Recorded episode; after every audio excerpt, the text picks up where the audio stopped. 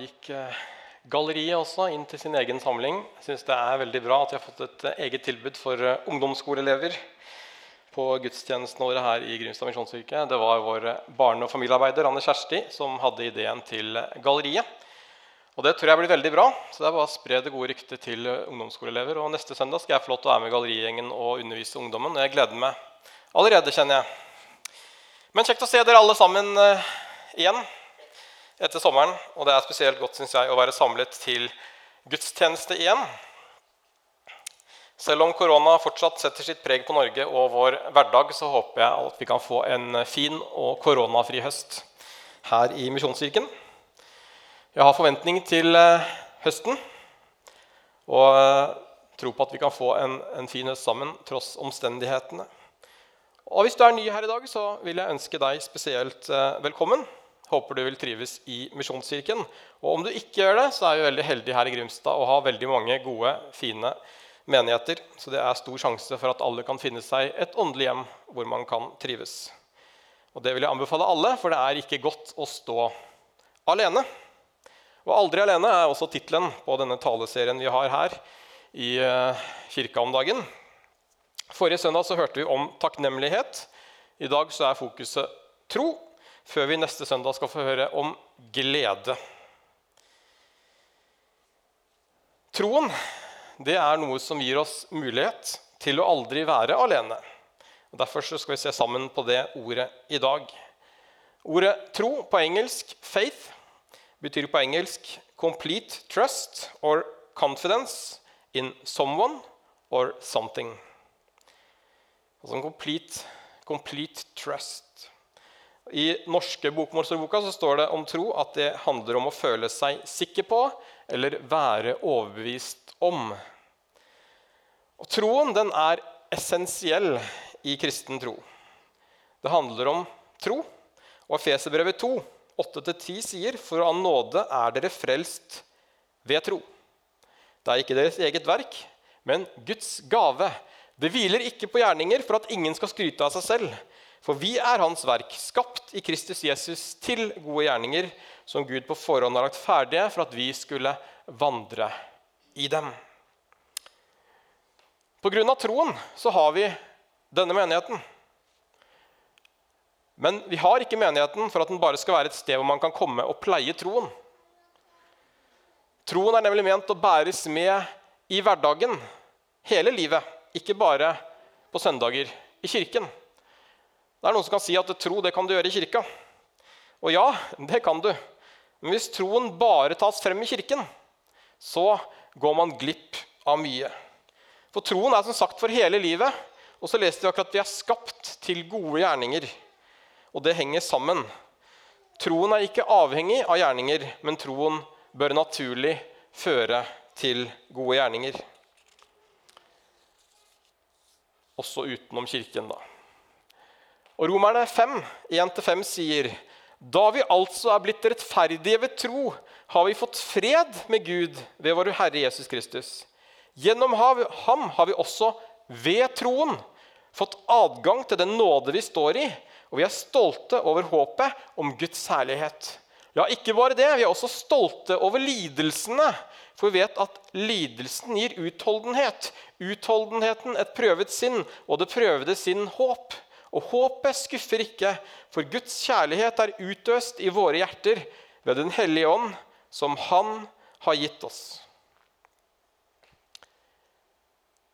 Det er troen som frelser.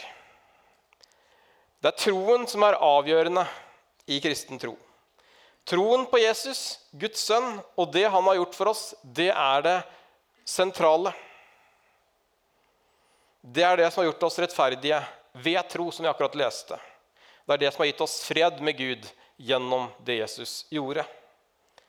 Men så kan det også bli utfordringer.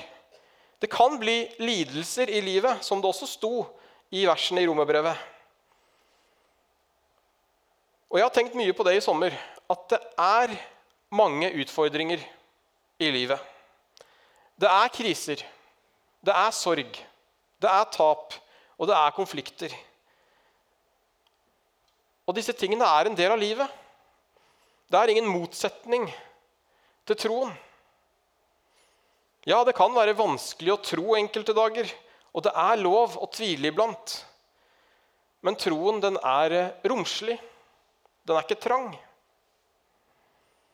Og når vi føler oss alene, så kan troen komme til oss med hjelp og med trøst. Og Hvis vi leser i Bibelen, så ser vi at gleden og sorgen, at troen og tvilen går hånd i hånd gjennom hele livet. David, som skrev mange av våre salmer i Salmenes bok, han er også flink til å sette ord på hvordan han opplever livet fra dag til dag. Og Et eksempel er en av klagesalmene, som er Salme 38, hvor David skriver fra vers 7. Jeg er kroket og nedbøyd. Jeg går og sørger hele dagen. Hoftene mine brenner av smerte. Ingenting i kroppen min er friskt.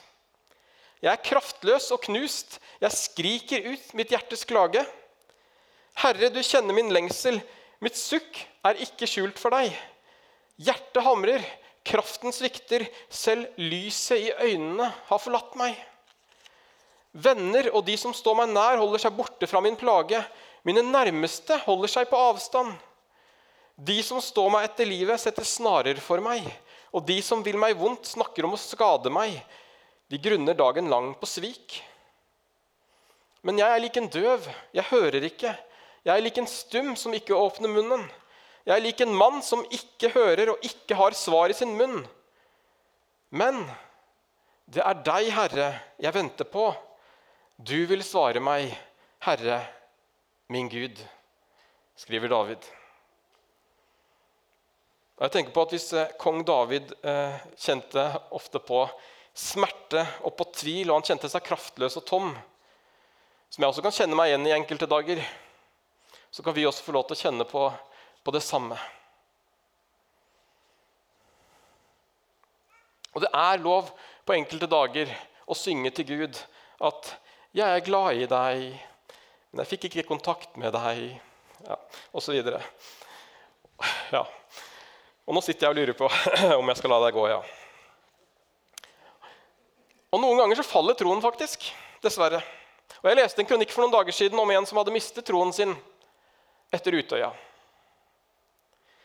Og han var kanskje ikke den eneste som mistet troen etter Utøya.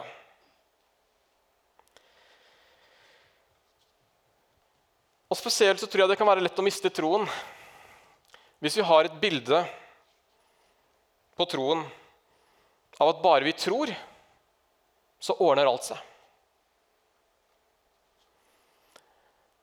Og Det er kanskje også noe som vi som er forkynnere og formidlere også må ta på alvor, hvis det er et bilde av troen vi tegner. For vi vil alle kjenne på lidelser og utfordringer i livet, selv om vi tror. Men det er viktig å vite at det er ikke Guds vilje at vi skal ha det vanskelig. Og jeg tror ikke at det er en mening med alt. Vi vil møte motgang, og vi kan alle være der iblant hvor vi møter motgang. Men hva er viktig da?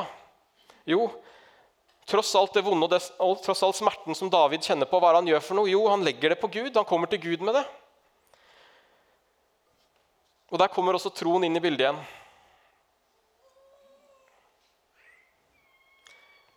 Vi kan kanskje noen ganger tenke at vi ikke har tro nok. At hvis vi hadde hatt tro nok, så ville det ikke blitt slik, eller ting ville gått sånn og sånn. Men da vil jeg si deg noe viktig i dag. Og det er at å tro Det handler ikke om å ikke oppleve vonde ting. Men det handler om å ta Gud med inn i det vonde. Det handler om å tro på lyset når man sitter i mørket. Det handler om å ta ett skritt, selv om reisen virker lang. For du er aldri alene, selv om det kan føles sånn. I Brevbrevet 13 så står det at la ikke kjærlighet til penger styre livet, men nøy dere med det dere har, for Gud har sagt, 'Jeg svikter deg ikke og forlater deg ikke'. Han har sagt at han svikter oss ikke og forlater oss ikke. Så han er med, også i det vanskelige. Vi kan få lov til å ta med Han inn i det vanskelige, og vi kan få lov til å gå i tro. Og så kan det godt hende at vi også opplever mye godt når vi går i tro. Og Apropos brevbrevet som jeg akkurat leste fra, så er det et fantastisk kapittel i brevbrevet om tro. Kapittel 11. Vi skal ikke lese hele kapittelet nå. Jeg skal ta noen highlights fra det kapittelet, og så oppmuntre dere til å lese det kapittelet hjemme i sin helhet. Men hør på noen fantastiske vitnesbyrd også om tro, hvor det står Troen er et pant på det vi håper, et bevis for det vi ikke ser. For sin tro fikk de gamle godt vitnesbyrd. I tro forstår vi at verden er skapt ved Guds ord, og at det vi ser, har sitt opphav i det usynlige. I tro ble Henok rykket bort uten å dø. Ingen så ham mer, for Gud hadde tatt ham til seg. Før han ble rykket bort, fikk han vitnesbyrd om at han var til glede for Gud. Uten tro er det umulig å være til glede for Gud, for den som trer frem for Gud, må tro at han er til, og at han lønner dem som søker ham. I tro var Abraham lydig da han ble kalt, så han dro ut til et land som han skulle få i arv. Han dro av sted uten å vite hvor han kom. I tro fikk også Sara kraft til å grunnlegge en ett, enda hun var ufruktbar og for gammel til å få barn, for hun stolte på at han som hadde gitt løftet, var trofast. Fra en mann som var uten livskraft, kom det derfor en ett så tallrik som stjernene på himmelen, og så talløs som sanden på havets strand. I denne troen døde alle disse uten å ha fått det som var lovet. De bare så det langt borte og hilste det, og de bekjente at de var fremmede og hjemløse på, tro, på jorden. I tro bar Abraham frem Isak som offer da han ble satt på prøve. Sin eneste sønn var han villig til å ofre, enda han hadde fått løftene, og at dette var blitt sagt til ham at gjennom Isak skal du få en ett som skal kalles din. Han regnet med at Gud har makt også til å vekke opp døde. Derfor fikk han sønnen tilbake, og i dette ligger det et forbilde. I tro gjemte foreldrene til Moses gutten i tre måneder da han var født. For de så at det var et vakkert barn, og de lot seg ikke skremme av kongens ordre. I tro nektet Moses da han ble stor, å kalle sønn av faraos datter. Han ville heller lide vondt sammen med Guds folk enn å nyte synden en kort tid. I tro gikk de gjennom Rødehavet som over tørt land, men da egypterne prøvde det samme, så druknet de. Og ved tro falt Jerikos murer da folk hadde gått omkring i syv dager. Og hva skal jeg ellers nevne, står det. Tiden strekker ikke til hvis jeg skal fortelle om Gideon, Barak, Samson og Jefta, om David, Samuel og profetene.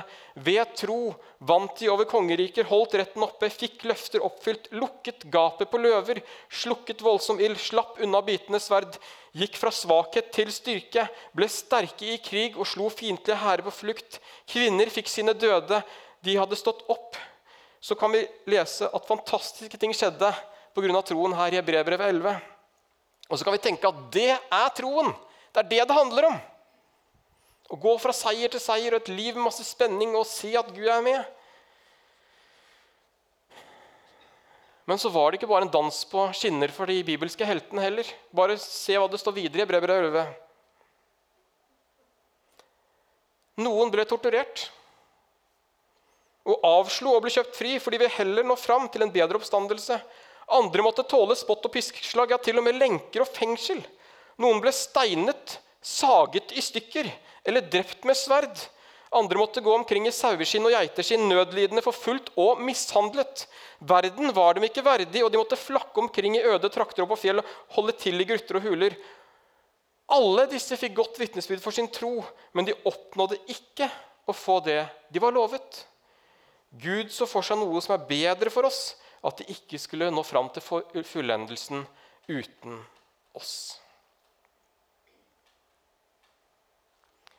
Hele Bibelen er et vitnesbyrd om tro og om mennesker som har gått i tro med hele sitt liv, på godt, men også på vondt.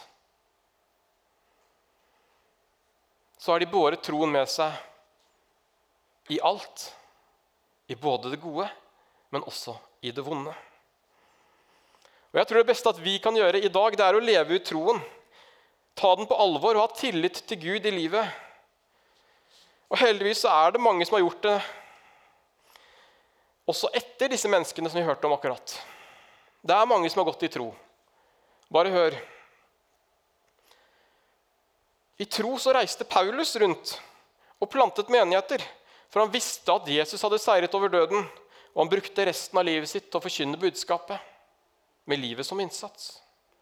I tro bøyde keiser Konstantin den store kne på 300-tallet og innførte kristendommen som ny statsreligion i det mektige Romerriket, enda det kostet, og han var den første romerske keiseren som tok imot troen og fikk være med å forandre verden.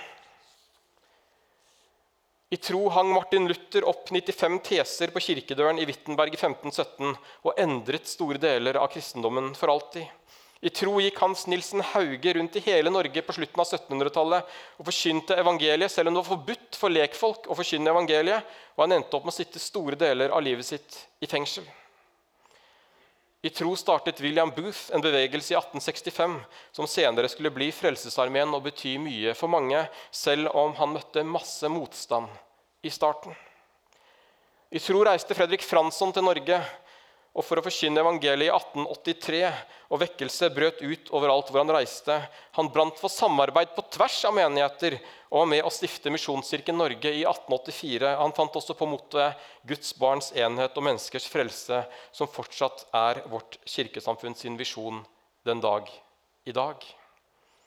I tro sto Martin Luther King jr. fram i 1963 og delte sin drøm som var med å forandre verden, selv om det senere også kostet han livet. I tro sto Nelson Mandela opp mot apartheidregimet i Sør-Afrika og ble fengslet i 27 år før han endelig ble sluppet fri og ble den første sorte presidenten i Sør-Afrika. Og Tiden strekker ikke til om jeg skal nevne Augustin, Thomas Aquinas, Barrat, Mangs, Eden Løvaas og mange mange, mange flere som har gått foran i tro og banet vei for evangeliet. Og Så kan det høres voldsomt ut, alle disse tingene som disse her fikk til. Men så er det også veldig, veldig, veldig mange som har gått i tro uten at de har fått avisoverskrifter. Men i tro så forkynte de evangeliet, i tro plantet de menigheter, i tro ba de for syke, i tro reiste de til fjerne land, i tro bygde de kirker og brønner, i tro ba de utrettelig, i tro tok de av seg fattige, i tro så delte de raust ut, i tro så sto de opp mot urett, i tro hjalp de mange, i tro bygde de menigheter både i verden, men også her i Grimstad. Og i tro så sa Øyvind Gryting i 2007 at denne menigheten måtte se seg om etter større lokaler, selv om de gamle lokalene var langt fra fulle.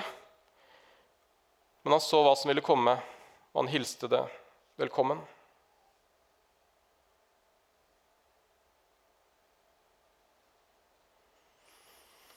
Jeg håper at du